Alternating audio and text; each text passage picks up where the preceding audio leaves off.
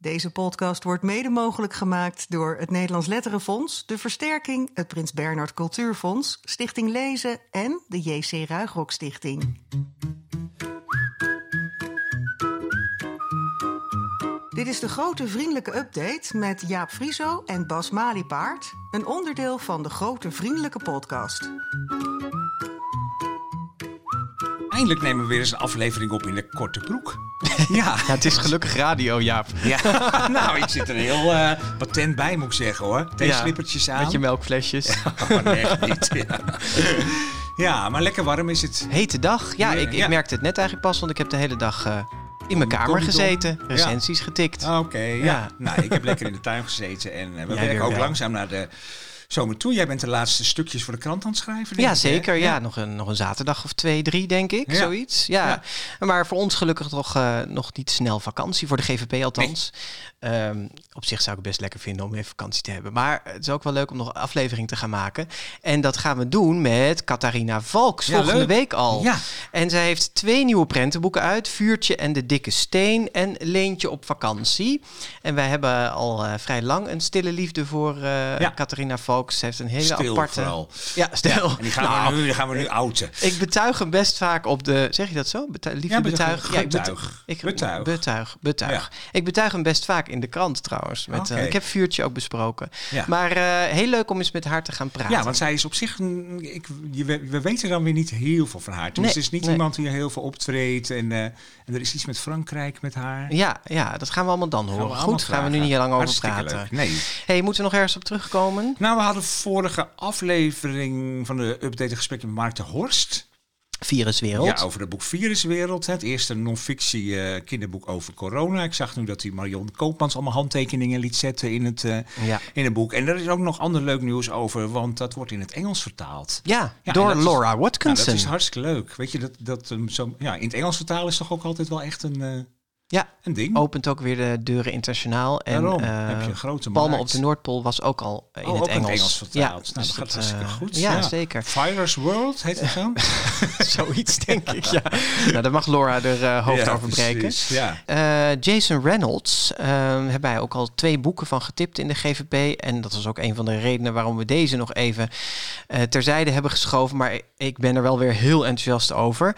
Dat heet eh, in het Engels Look Both Ways. En let goed op in vertaling van Maria Postema. En die heeft de Britse Gouden Griffel gewonnen. De Carnegie Medal werd ook vandaag bekend. In Nederland uitgegeven bij Condor. Hartstikke goed. Ze zouden die prijs gewoon anti-landen gouden griffel moeten noemen. Ja, Veel handiger. de Golden Griffel. wij ook niet steeds te zeggen de Britse gouden griffel. Nee, nee, precies. Nee. Laten ze zich eens een beetje aanpassen aan Ja. ons. Ja. Hey, en in deze aflevering we gaan stilstaan bij het overlijden van eh vier, Vier kinderboeken. kinderboekenmakers, ja, Ja, dat was wel even wat. Ja, Eh, onder andere de geestelijk vader van Rupsje. Ja. Nooit genoeg, Erik Kaal. En we praten straks met zijn productieagent. En die, die zorgt wereldwijd voor al die vertalingen en dat die boeken verschijnen in alle landen. En, en dat is dus een Nederlandse. Dus Ja. Dat is wel bijzonder. ja, grappig. Ja, Ja. daar kunnen we met haar even straks eh, over praten. Ja. En eh, we hebben het ook over pulp. Ja. dat was de afgelopen week ineens wel een heel eh, veel voorkomende term in discussies over eh, jeugdboeken. Eh, hoe dat zat, dat eh, zetten we straks voor je op een rijtje. Maar eerst het kinderboekennieuws. Een lekker lang nieuwsbulletin gelezen door Bert Kranenbarg. Het grote vriendelijke kinderboekennieuws van juni 2021. Net als veel andere musea heeft ook het Kinderboekenmuseum in Den Haag de deuren weer geopend. Het werk van illustrator Marije Tolman staat centraal in de eerste tentoonstelling na de lockdown.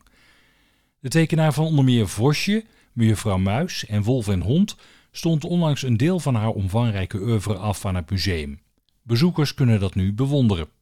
Zandsculpturen waarin kinderboeken worden uitgebeeld zijn vanaf deze week te zien in het Kuinderbos in Band. Onder andere Harry Potter, Alleen op de Wereld, Kleine Beer en over een kleine mol die wil weten wie er op zijn kop gepoept heeft, zijn van zand nagemaakt. De bouwwerken zijn tot in het voorjaar van 2022 te zien. Vier overlijdensberichten in deze update. Op 23 mei is kinderboekenschrijver en illustrator Eric Carl op 91-jarige leeftijd overleden. Carl maakte meer dan 70 kinderboeken, waarvan wereldwijd meer dan 170 miljoen exemplaren zijn verkocht. Bekende titels zijn De krekel die niet sjerpen kon en De spin die het te druk had. Maar zijn allerbekendste boek is The Very Hungry Caterpillar, dat in het Nederlands werd vertaald als Rupsje nooit genoeg. Carl leest er hier zelf uit voor. In the light of the moon, a little egg lay on a leaf. One Sunday morning, the warm sun came up, and pop, out of the egg came a tiny and very hungry caterpillar. De Nederlandse dichter Remco Eckers is op 4 juni gestorven. Hij schreef proza en poëzie voor volwassenen en kinderen. Voor zijn bundel Haringen in sneeuw kreeg hij in 1985 een zilveren griffel. Het was de eerste keer dat deze prijs naar poëzie ging. Andere kinderbundels van Eckers zijn onder meer De kip heet Tok, De geur van tijd en Vreemd lezen. Remco Eckers is 79 jaar geworden. Ook schrijfster Lucinda Riley is niet meer onder ons. Ze overleed op 55-jarige leeftijd aan de gevolgen van kanker. Riley was bekend van haar bestsellerserie voor volwassenen over de zeven zussen, maar ze maakte samen met haar zoon Harry Whittaker ook twee kinderboeken in een reeks die Beschermengeltjes werd genoemd. In Nederland verscheen Bram en het Droomengeltje vorig jaar en Rosa en het Vriendschapsengeltje afgelopen maart. De Vlaamse jeugdauteur Dirk Brakke tot slot is ons op 15 juni ontvallen. Hij kampte al een jaar met gezondheidsproblemen en liet in februari al weten te stoppen met schrijven. Brakke schreef in bijna 30 jaar tijd meer dan 40 jeugdboeken waarin hij maatschappelijke thema's als drugs, straatbendes, prostitutie en oorlog aansneed.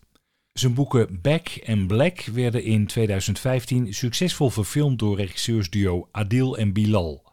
Brakke is 68 jaar geworden. Film- en tv-nieuws dan. Prinses Arabella krijgt een eigen animatieserie waarmee een lang gekoesterde wens van Milo Freeman, haar geestelijk moeder, in vervulling gaat. Van de boeken over het prinsesje zijn inmiddels meer dan 70.000 exemplaren verkocht. De populaire Amerikaans-Franse acteur Timothée Chalamet gaat de rol van Willy Wonka vertolken in een film over het leven van de chocoladefabrikant uit Shaki en de chocoladefabriek van Roald Dahl. Het verhaal van de film gaat vooraf aan het boek.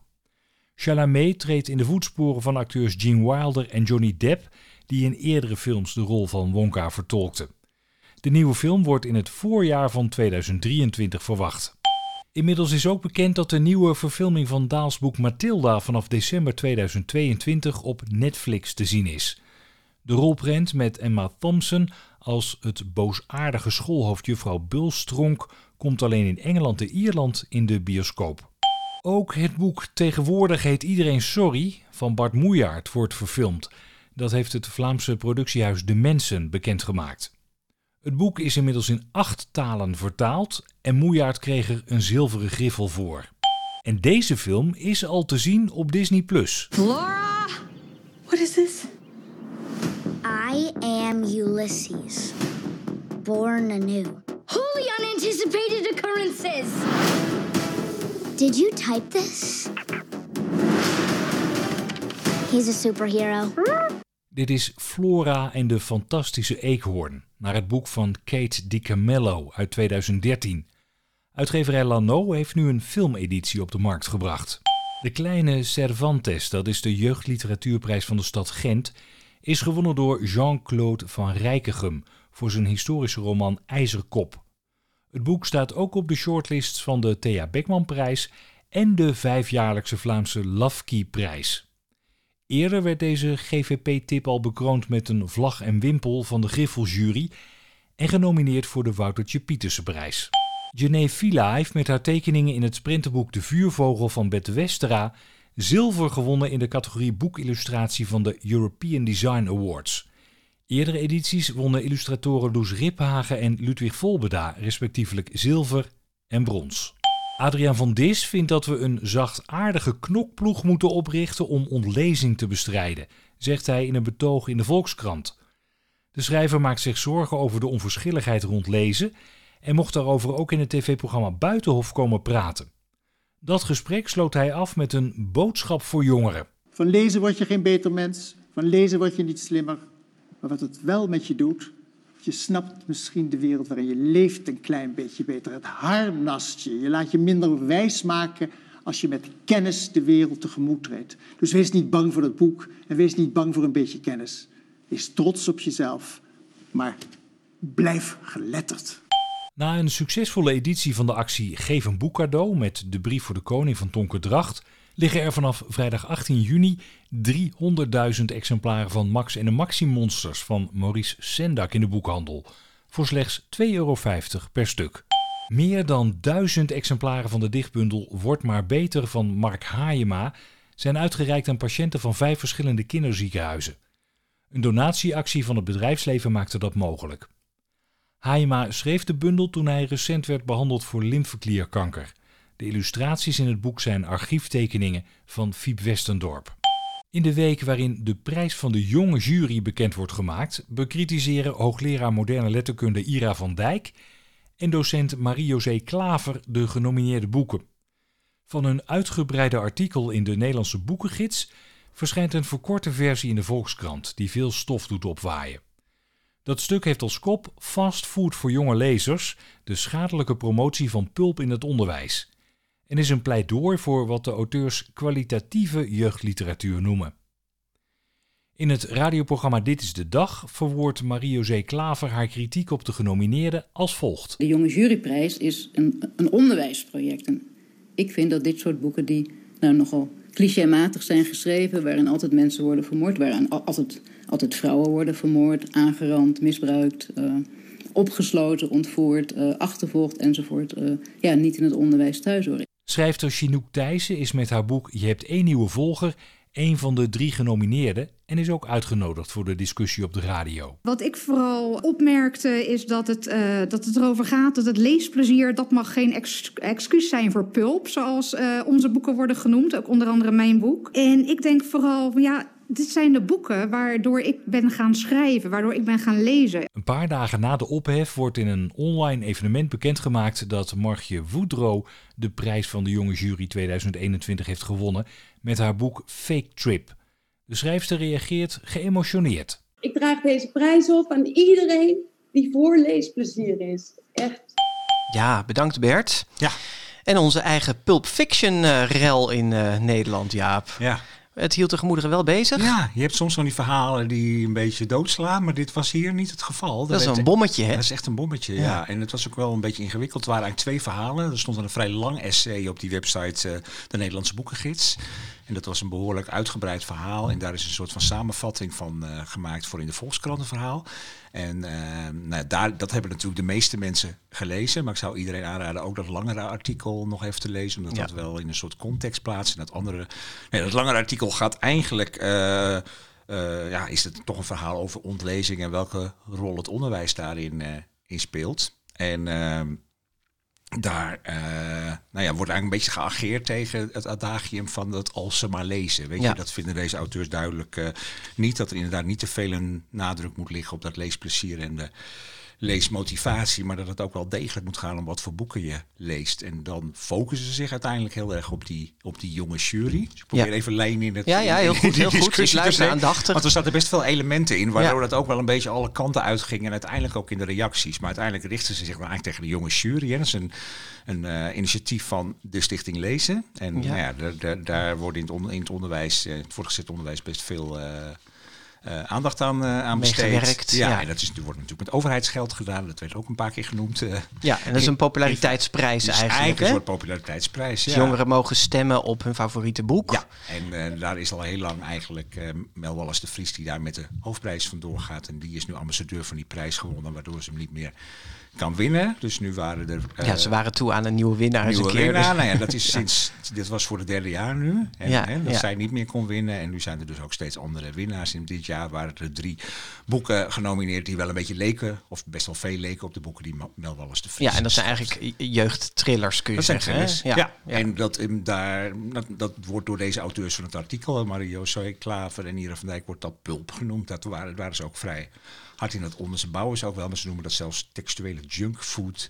En dat zetten ze dan tegenover wat zij nou ja, jeugdliteratuur noemen. Ja, Eh, boeken ja. van Anna Woltz en, en eh, Simon van der Geest en Paul Biegel en Bart Moejaert en zo. Van, ze- Ja. ja. die zouden in het onderwijs ook een veel grotere rol Maar ze gingen niet alleen in op zeg maar, de textuele armoede, zoals ze dat dan noemen, maar ook eh, inhoudelijk hè, hadden ze heel veel door Ze aan hebben te die boeken merken. allemaal gelezen. Ze hebben de, de, de, drie genomineerde boeken echt gelezen. Ze hebben de winnaars van de afgelopen tien jaar gelezen. En dat maakt het artikel wel een beetje diffuser, omdat ze ook nog echt ingaan op ja, een beetje de maatschappelijke kant voor, van, Ja. van die boeken. En dan nou ja, beschuldigen ze eigenlijk wel de auteurs van dat dat een vrij eenzijdig beeld van, van vrouwen in naar voren Ja. komt. Dat ze Seksistisch, racistisch. ja, eigenlijk eh, dat soort termen worden er wel. eh, ja, weet je, ze zeggen dan letterlijk van de lezer van kick naar kick jagen. En, die, en dan ook nog een keer dat het stilistisch, inhoudelijk, cultureel en moreel armoedig en zelfs schadelijk kan zijn. Dus er werd best. eh, Ja, daar kan je mee doen. Als Met je, als- gestrekt benen Ja, ja absoluut. Ja. ja. En dat zijn we eigenlijk niet meer zo gewend hè, in de jeugdliteratuur. Dat er echt zo snoeihard eh, eh, wordt geschreven over. Eh. Nee. Zou daar ook eh, met name de ophef vandaan. Ik bedoel, ik snap dat het voor de schrijvers hè, die in het artikel maar aangehaald dat waren worden niet pijnlijk. die eh, nog het heftigst reageerden Nee. volgens mij. Nee, er werd op sociale media dus heel veel gereageerd. En ja, mijn analyse is dat voor een deel is het denk ik dat dit waren wel twee mensen die een beetje aan de zijkant van het jeugdboek of zelfs een beetje daarbuiten staan. Hè? Dus daar is het misschien ook wat makkelijker tegen ageren. Of ook een beetje dat gevoel van waar bemoei je je Ja. mee. Aan de andere kant gebruikten zij best ja, grote termen, hè? weet je, racisme, seksisme en vooral dat woord pulp. Nou, dat is denk ik, Ik ook. denk dat woord ja. pulp, ja, en dan kan je natuurlijk van denken aan de ene kant, weet je, is het misschien goed om er stevig in te gaan, dat je het op scherp zet. Misschien schiet je aan de andere kant daarmee ook een beetje je doel voorbij, omdat daar dan heel erg de discussie over gaat. En dat, dat ging het ook wel. Ik vond uiteindelijk de reacties, ik weet niet wat jij ervan vond, maar Nou, best- heel emotioneel in elk Ja. geval. Hè. En natuurlijk van de getroffen schrijfsters, zullen we maar even zeggen. ja, dat snap ik goed, maar van andere mensen ook wel. Heel veel, heel veel collega's die zich. Ja, ja, en ook heel veel collega's die deze eh, schrijvers natuurlijk bij- bijvielen en Ja. steun betuigden. En, eh, ja, eh, en ook zeiden van ja, eh, ik ben blij dat jullie die leraar Nederlands niet waren vroeger. Ja, ja, en daardoor gaat zo'n discussie uiteindelijk wel weer een beetje langs de pa- gebaande paden, zeg maar. Die je wel, Ja. wel weet en krijgt het iets voorspelbaars. En dat is wel jammer. Dat hebben die auteurs misschien zelf ook wel een beetje uitgelokt. Nou ja, uiteindelijk kwamen de... Nou, dat ligt denk ik toch wel een beetje aan de toon. Dus aan de keuze van die woorden. Ja. Waar dan enorm als een soort rode vlag op een stier, zeg maar, iedereen op afgaat. Terwijl Ja. de kern van wat ze zeggen, laten we het daar eens even Ja, over hebben precies. eigenlijk. Want hè. wat zeggen ze eigenlijk? Nou ja, dat is natuurlijk op zich ook niet een heel nieuw verhaal. Hè. Ehm, eh, nou ja, we hebben het er zelfs in de GVP in vorige Precies, afleveringen maar ook al in over onze gehad. lezingen en zo is Ja. dat gewoon een verhaal wat wij regelmatig afsteken. Ja, en dat gaat eigenlijk om eh, dat eh, het besef bij leerkrachten dat literatuur ook een vak is. Eh, dat er natuurlijk leesplezier heel erg belangrijk is, leesmotivatie heel belangrijk is, dat je daar echt aandacht voor moet hebben als leerkracht, maar dat je daarnaast ook nog iets eh, eh, anders kan aanbieden. Hè? Ja. Of kan, kan, nou eigenlijk je leerlingen moet helpen om hun horizon te verbreden en om hun literaire smaak te ontwikkelen, om nou ja, complexere teksten te kunnen lezen en te kunnen duiden. En je hoopt ze natuurlijk daarmee ook gewoon het wonder van de literatuur mee te kunnen geven. Hè? Dat ze ja, de boeken die je empathisch vermogen eh, vergroten, die eh, nou, je taal ver- verrijken. Ja. Ehm, dus en, en wat we natuurlijk zien in een trend in het basisonderwijs, maar ook in de midden, op de middelbare school en ook op de pabo's, is dat er steeds meer gevaren wordt op dat leesplezier en op die leesmotivatie. Dat daar de nadruk eigenlijk alleen maar op is komen te liggen. En die andere twee, eh, onder, of die andere onderdelen van het ontwikkelen van een literaire smaak of cultuuroverdrachten, dat dat een beetje ondergesneeuwd Ja, raakt. maar veel mensen die ik zag reageren, die zeggen, wat maakt het nou uit? Dat leesplezier, dat is toch fijn dat mensen lezen, daar gaat het toch uiteindelijk om? Nou ja, dat is, dat is zeker een deel. Weet Ja. je, dat hoop je zeker dat als die leerlingen aan het eind van de middelbare school eh, klaar zijn, af afstuderen, dat ze dan zeker dat leesplezier hebben ontdekt. Hè? Voor zover ze Ja. dat niet op de basisschool al hebben gedaan. Want dat is nou natuurlijk eigenlijk moeten. Ja.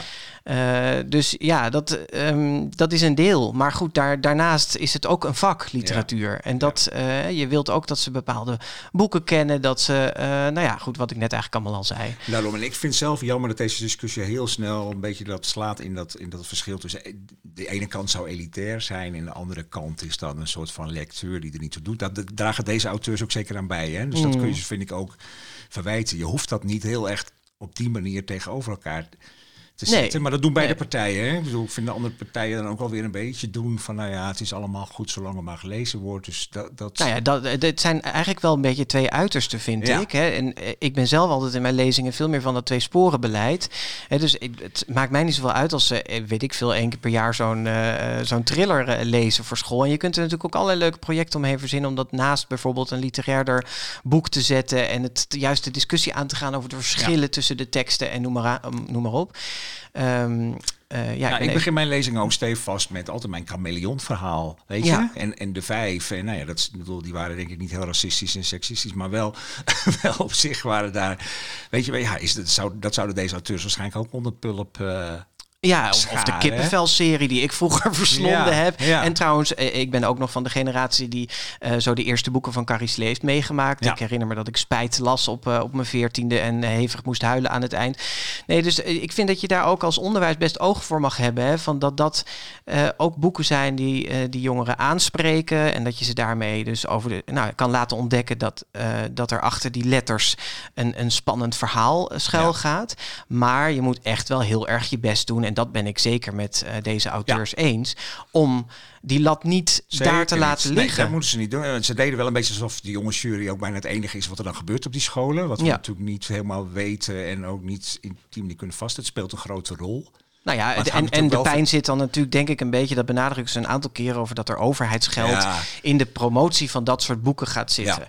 En eh, ja, goed, dat, dat kun je vinden, inderdaad. Ja, weet je, maar er zijn meerdere projecten. En ik denk ook dat we hier echt wel heel duidelijk eh, uit moeten gaan van de eh, individuele verantwoordelijkheid van de docenten Nederlands om een gevarieerd aanbod aan te bieden en om hun stinkend de best te doen om die leerlingen ja, een stap hoger te krijgen op de literaire ladder. Hè?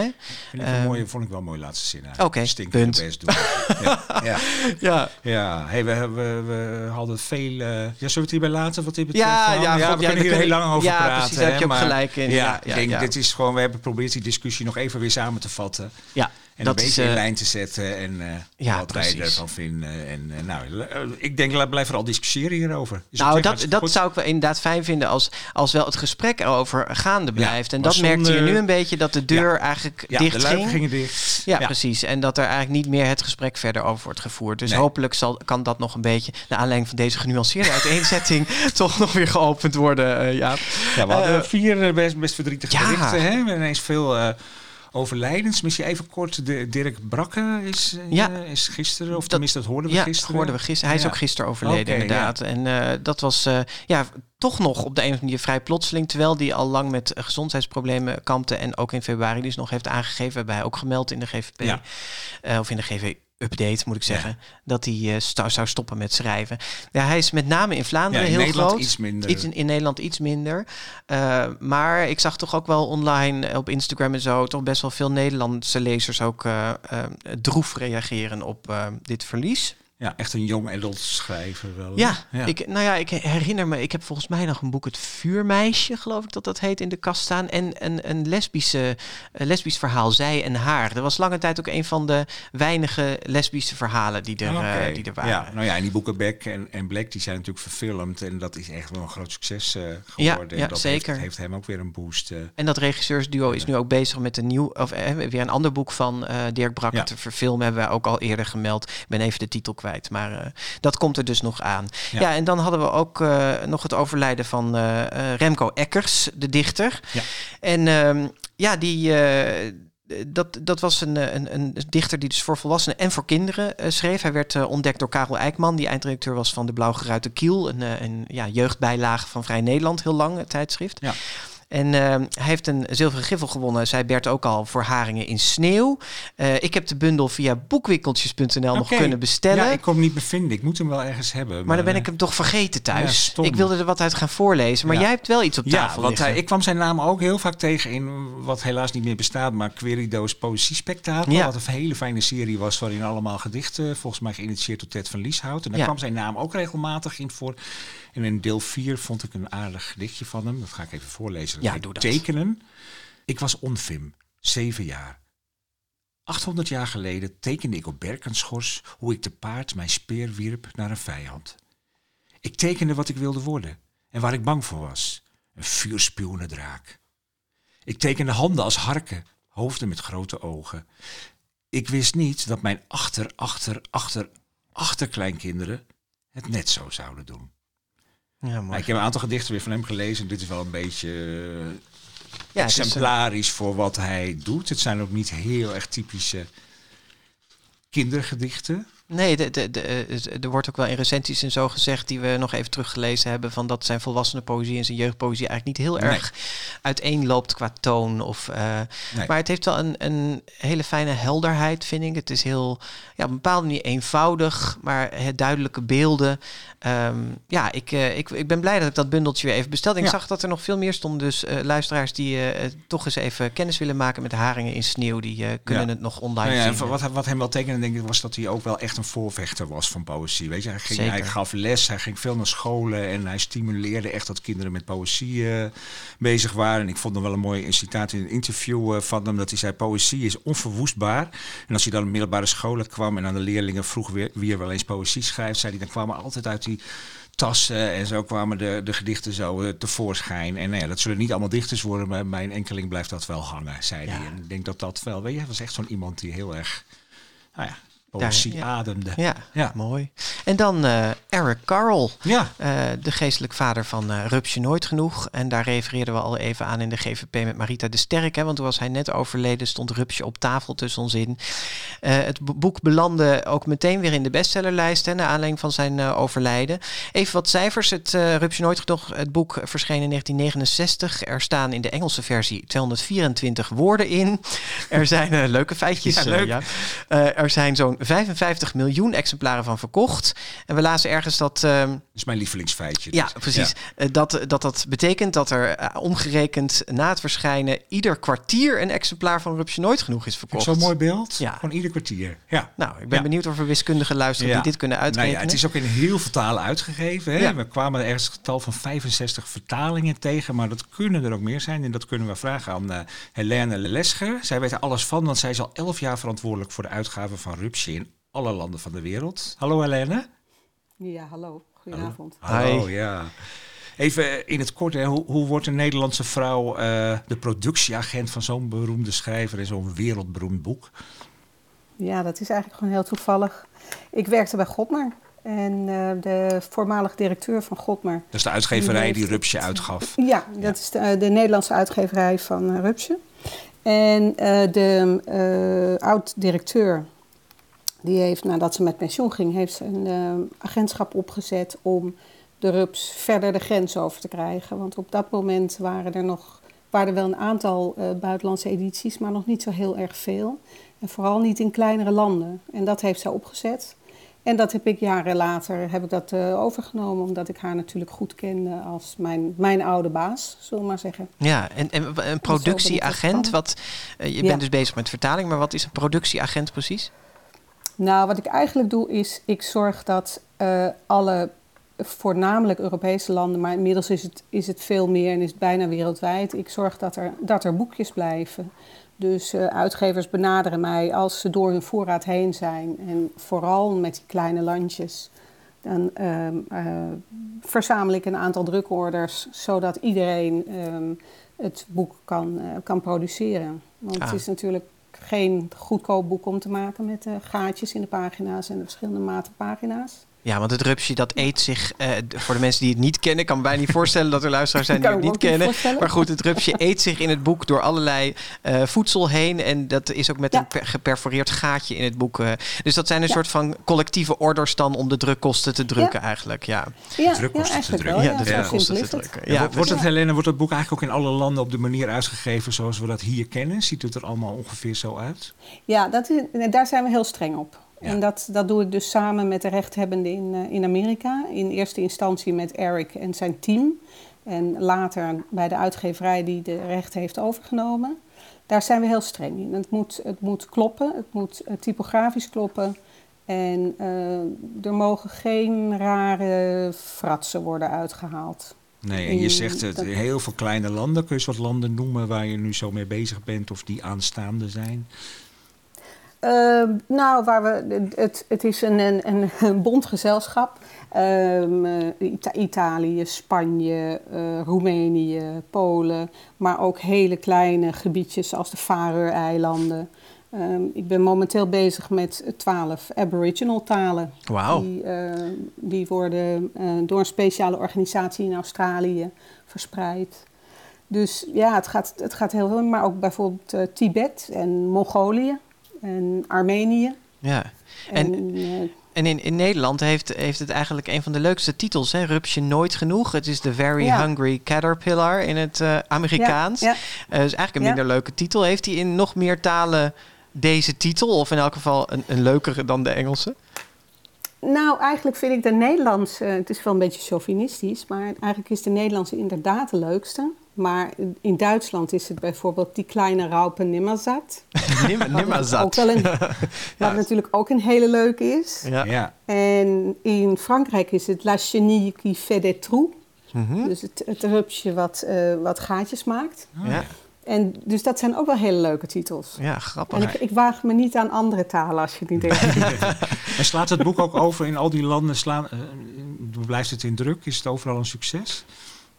Het is vrijwel overal een succes. De- het zijn de uitzonderingen waar het dan opeens ehm, niet, niet goed loopt of niet, niet doorloopt. Waar het ja. één druk, eh, ja, waar het niet echt aanslaat. Maar wat, wat, kun je iets zeggen over wat is, denk je, het succes van, nou ja, laten we zeggen, breder het, wer- het werk van Carl of specifiek Rupsje Nooit Genoeg?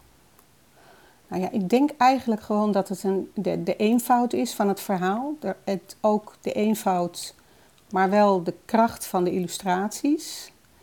Het is natuurlijk wat je best heel veel ziet in, in, ehm, in kinderboeken, vind ik tenminste, dat het heel druk en heel veel en de kleuren spatten van de pagina's af. Dit is echt heel erg ja, rustig, maar er is toch veel te zien. En het verhaal is natuurlijk gewoon ijzersterk. Het Ja. is voor, voor kinderen kunnen zich er ontzettend mee ehm, identificeren met al, die, al dat geëet op die Ja. pagina's. Maar ook ja, dat je toch gewoon, wat er ook gebeurt, dat je een vlinder kunt worden. Ja. En dat, dat je je kunt ontplooien. En Die dat metamorfose, hè? Ja. Ja, Ja. dat, is, dat is gewoon een ijzersterk verhaal. Ja, en wat eigenlijk best Ik krijg nu bijzonder... natuurlijk... Ja. Ja, sorry. Nou, wat eigenlijk best bijzonder is... Nee, zeg nog even wat je wilde zeggen, want ik onderbrak je reel. ja. Het maakt niet uit. Nou ja, het is, wat ik zo bijzonder vind, is dat je nu gewoon de nieuwe generatie, die met dit boek is opgegroeid, die geeft het ook weer aan door aan hun eigen kinderen. Dat Ja. vind ik zo bijzonder. Ja. Dat het echt van, van generatie op generatie gaat. Het is niet een boek wat. ehm, Gedateerd raakt, hè? Het, het, het, het, ja, het veroudert niet. Het, raakt niet gedaan. Nee, Nee. het veroudert Nee, niet. nee, er wordt gewoon ieder kwartier eentje verkocht. Eh, Precies. Ja, en nee, wat kinderen ik- reageren er gewoon op. ja. Ja. Dat, is, dat is het. Ja, wat ik eigenlijk wilde zeggen, Helene, is dat het ook bijzonder is omdat heel veel van die hele populaire kinderboeken zijn toch vaak reeksen. Hè? Dan komen er heel veel boeken. Ja. Hè? Nijntje, Dikkie Dik, al die boeken hebben gewoon een, een sterk karakter en, eh, Ja. En, en kikker en zo. Maar dit is eigenlijk gewoon dat rupsje, is dit boek. Alleen ik begreep wel van jou, en dat wist ik eigenlijk niet, dat het toch wel een soort serietje is in Amerika. Ja, het, het is, het heet, dat heet in Amerika de Very-serie. Dus je hebt The Very Hungry Caterpillar, The Very Busy Spider, The Very Quiet Cricket, The Very Lonely Firefly en The Very Clumsy Click Beetle. Ja. Dat zijn eigenlijk, is het, is het een serie Ja. die ehm, allemaal eigen verhaaltjes zijn, maar wel, ja... Familie ehm, van elkaar. Ja, maar omdat ze hier Familie allemaal onder, van elkaar. zijn hier allemaal onder Ja. andere titels uitgebracht. Dus hier is dat nooit zo opgevallen dat dat eigenlijk een beetje bij elkaar hoort. Nee, Behalve het kleine beestjesboek hebben we dan geloof ik. Hè? Ja, dat is een verzameling hè, met de andere. Ja, hey, maar we Ja, hebben het nu de hele tijd over zijn werk. Maar jij bent drie jaar geleden nog bij Eric Carl geweest. Toen was er een soort Mhm, happening eh, rond zijn 89ste verjaardag. Had jij veel Ja. contact met hem rechtstreeks? En wat voor man was het?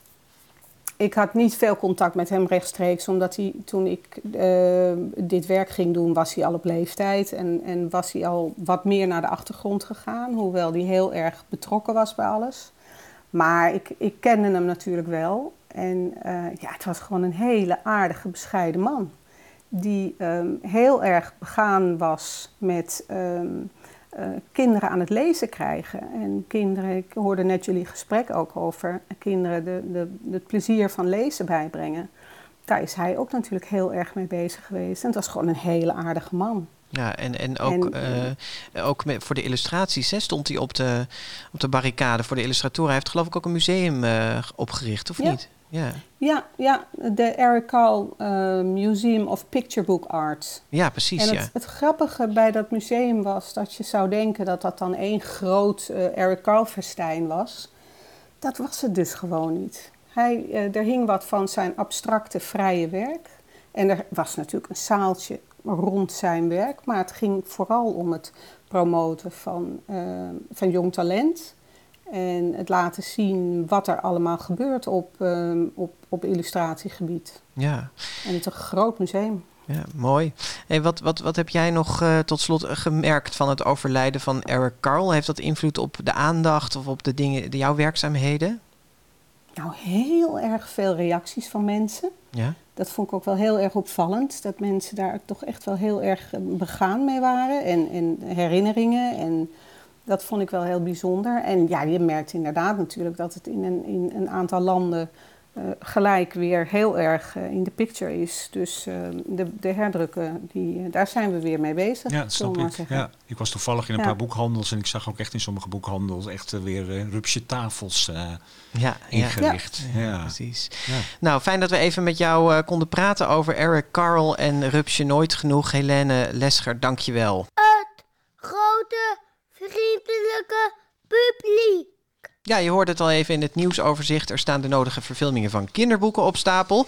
En dus vroegen we onze luisteraar naar hun favoriete film en hun mening hierover. En de eerste die ons wat stuurde was Tini Fischer. Tom ook op je mos.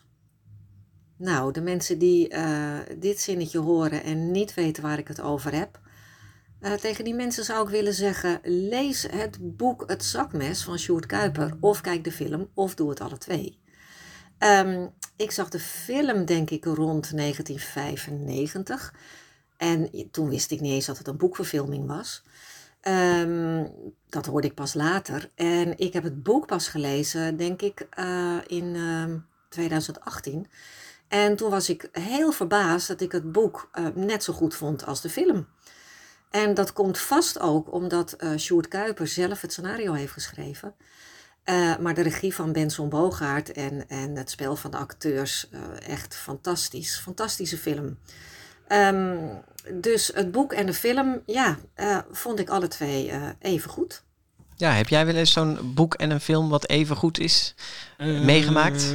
Ja, ik denk wel dat sommige... Ik vond bijvoorbeeld de verfilming van Iep van Joke van Leeuwen, weet je, zo'n zo'n film die ook heel, ja, wat echt goed naast elkaar ja. kan bestaan. Ja. Weet je, waarbij je niet de hele tijd naar denkt van oh, in het boek was het anders. Of maar dat echt gewoon als zelfstandig verhaal. En het zakmes heb ik trouwens ook gezien. Dat, ja, met dat Olivier ten Uur in de hoofdrol volgens ja, mij. Ja, uh, ja. ja, en Hotel de Grote L van Sjoerd Kuip is natuurlijk verfilmd. Hè? Die heeft ook echt wel van die... Uh, ja, van, van die filmische boeken dan geschreven. Tini Fischer overigens, kan ik me ook herinneren dat wij allebei zeiden van god, dat laatste boek van haar, mijn jaar in een, in tent. een tent. Dat, ja. dat zou zomaar een film uh, Absoluut. Daar moet uh, Bos Bros maar eens even opduiken. Ja, sommige om, boeken uh, hebben dat. Ja. Hè? Dat wij ook allemaal in een recensie meteen zijn filmies of het lijkt een soort filmscenario. Ik weet dat ik echt verrukt was toen ik de eerste Harry Potter film zag. Omdat het zo overeenkwam met wat ik me had voorgesteld. Ja. Dat vond ik echt frappant gewoon bijna. Dat ik dacht, nou blijkbaar heeft, zijn de filmmakers heel dicht bij het boek gebleven. En heeft Joanne Rowling het blijkbaar zo goed over weten te brengen op de filmmakers of opgeschreven. En heb ik dat dan op die manier ook zo in mijn hoofd gekregen dat het gewoon bij elkaar past. Mijn ja. fantasie en de film vond ja. ik heel leuk. Ja, nou we hebben nog een schrijfster die reageerde. Ja. En die ook heel enthousiast is over een bepaalde film. Wilma Geldof. Tja, het klinkt als vloeken in de kerk. Maar ik vond de film E.T. 85 van François Ozon, verfilming van Je moet dansen op mijn graf van de grote Eden Chambers, nog mooier dan het boek. Ik heb het boek overigens lang geleden gelezen. Misschien speelt dat een rol, hoewel. De film is prachtig en eenvoudig en puur, maar uh, het zit hem vooral in de mooie en onberekenbare jongen voor wie de hoofdrolspeler volledig valt. En je begrijpt dat helemaal. Zo'n jongen waar je niet tegenop kunt. Mijn 17-jarige ik zou ook totaal voor hem vallen, onontkoombaar. Um, ja, in het boek word je deelgenoot van de verwarde gevoelens van Hol. En het gaat over hoe hij het drama dat volgt verwerkt. Maar uh, ja, ik voelde meer bij de film dan bij het boek. Ik denk dat als een boekje in je hart raakt, je de verfilming bijna altijd minder vindt. Maar als een boek dat effect minder op je heeft, kan de verfilming beter zijn. Ja, Nou ja, dat is voor mij eigenlijk de reden. Ik heb de film nog niet gezien, omdat hij ook echt Nee, in coronatijd uitkwam. Maar ik weet wat ik bijna schrok dat dit boek verfilmd werd. Het is jouw lievelingsboek, toch? Ja, het is echt wel een van mijn Dit is wel echt een boek wat in mijn hart, in mijn hart raakt. En het wil me dan terecht zegt van, oh, dan kan een verfilming is wel eens tegenvallen. Weet je, Maar ben François Ozon is... eh, Nee, daarom is ik tegelijkertijd ook heel nieuwsgierig naar deze film. Het is natuurlijk ook wel een feest dat het, dat het verfilmd is. Dus eh, ik, ga hem, ik ga hem zeker zien. Maar het is wel zo dat je bijna een beetje bang bent om naar de film te gaan. Want je denkt, oh, mijn boek, mijn boek. Ik, ik snap het, maar dat heb ik helemaal niet bij dit boek. Dus Nee. ik ga, ik, als ik Wilma zo hoor praten, wil ik hem onmiddellijk eh, gaan bekijken. ET 85. Ja, heb jij zo'n Hmm. film waar je helemaal... eh, Waar ik helemaal, wat? Nou ja, wat je aan mij vroeg, waar je door weg werd geblazen... of waar je hele goede herinneringen aan hebt. Mm, nou, ik weet wel dat ik als kind eh, Mio My Mio van Astrid Lindgren Oh, als film zag. En dat ging ik vanmiddag weer even opzoeken. En hij, dat mag ik natuurlijk helemaal niet in deze uitzending zeggen. Maar hij staat een soort DVD-rip, staat integraal op YouTube. Ja. Sst, niet verder vertellen. Maar eh, daar zat ik dus weer even doorheen te scrollen vanmiddag. En ik kreeg weer helemaal die spanning in mijn lijf die ik had als kind. Ja? Ja, er zit Ridder Kato zit daarin en die heeft een hart van steen. En oh, het is allemaal zo eng. Ik weet ook dat hij vroeger soms uit moest, omdat wij het gewoon te eng vonden. Ook al hadden we hem vaker al gezien. Oh, maar wat grappig dat dat nog zo eng is. Want ik heb wel vaak met oude series die ik vroeger zo eng vond. Q en Q en zo. Oh ja, Q&Q. Ja, als ik het nu zie, dan moet ik er bijna een beetje om lachen. Ja, nee, Ja. maar dat had ik nu. Ik, ik- ja, misschien dat ik meteen weer terugkeerde naar die eh, kindertijd. Ja. En ik heb trouwens ook een film meegemaakt die me zo tegenviel. Ja. Dat was Levende Bezems van Lisa Tetzner. Het boek Ja. is me voorgelezen toen ik een jaar of acht was. Vond ik fantastisch. Dus toen die film in de bioscoop kwam, eh is nog niet zo lang geleden. Toen dacht ik, oh, ik ga kijken. En samen met een vriendin heen gegaan. En we zijn echt halverwege gewoon weggelopen. Zo slecht vond ik hem. En wat Echt. maakt het dan, weet je nog wat Ja, het was gewoon eh, een bijna amateuristisch spel. Het was, ze hadden er ook iets heel anders van gemaakt. Ik weet het niet meer heel precies. Maar het was echt, ze zaten elkaar echt aan te kijken van... nou, hier gaan we niet meer verder naar kijken. Zijn we de, de zaal Dat is uitgeslopen. een beetje wat je met die, met die tonkendrachtbrief voor de koning Ja. bijvoorbeeld dan hebt. Hè? Van Ja. die hele iconische boeken waar je denkt, dat kan, dat kan bijna gewoon Ja. niet goed worden. Ja. En dan als laatste hebben we nog eh, Paula Heger. Hallo Bas en Jaap van de Grote Vriendelijke Podcast. Dit is Paula van de blog bookbreak.nl. En ik heb zeker een mening over boekverfilmingen en dan met name young adult verfilmingen. Meestal ben ik er namelijk niet zo over te spreken en vind ik ze vaak afbreuk doen aan het boek. Maar er zijn gelukkig ook een paar uitzonderingen. Een van de beste young adult verfilmingen vind ik persoonlijk The Hate You Give van Angie Thomas. Ehm, het was een favoriet boek van mij, dus ik was erg benieuwd naar de film. En ik was ook een beetje bang, eerlijk gezegd, dat het eh, ja, afbreuk zou doen, omdat ik het boek zo goed vond. Maar de film is eh, minstens zo goed, vind ik. Er zitten veel scènes in die ik herkende eh, uit het boek. Ik vind de acteurs heel goed gecast. En wat het vooral goed maakt voor mij is de sfeer. Ehm, de sfeer in de film is eigenlijk hetzelfde als ik had eh, tijdens het lezen van het boek. Dus dat gebeurt mij niet zo vaak. En daarom vind ik het een hele goede film. Zeker een aanrader. Ja, ik heb hem nog niet gezien. Jij? Ik wel. Ja, en ik herken wel wat ze zegt. Weet je, ja, het is gewoon een heel indrukwekkend verhaal. Dus Ja. het verhaal is in de film eigenlijk net zo indrukwekkend als in het boek. Er wordt in de film niet, ook niet heel veel meer meegedaan dan in het boek gebeurt. Ja, je, Het is niet een interpretatie of een hele kunstzinnige. Het is gewoon eigenlijk wat het is. Maar het verhaal is zo indrukwekkend dat je dat heel gerust nog een keer tot je kan nemen. En dat doe je in de film. eh, Ja. Komt, het, komt het opnieuw heel erg binnen. Dus, eh, Ja, ik herken ook wel wat ze zegt, dat ik een beetje huiverig ben van hoe. Het is, natuurlijk wel een heel naar verhaal ook. Hè? Dus dat, ja, ja. ja. ja. En om het nog weer even terug te brengen naar de boeken. eh, de prequel van eh The Hate You Give is net verschenen. Hè? Een, De roos uit het beton of een roos uit het beton, weet ik even niet meer. Een, volgens mij, ja, ja. Een verhaal dat wat dus vooraf gaat aan The Hate You Ja, Give. en dat kan ik zeggen dat dat een, ook weer een indrukwekkend eh, boek is. De moeite waard. Ik eh, ben er net in begonnen. Ja, dus, eh, nou, ik heb al mijn recensie klaarstaan. Heel goed. Ja. goed. Het zit erop, Jaap. Eh, we namen deze update op woensdag 16 juni op in kinderboekwinkel woensdag 6 Kiekeboek. juni. Ja. Ja.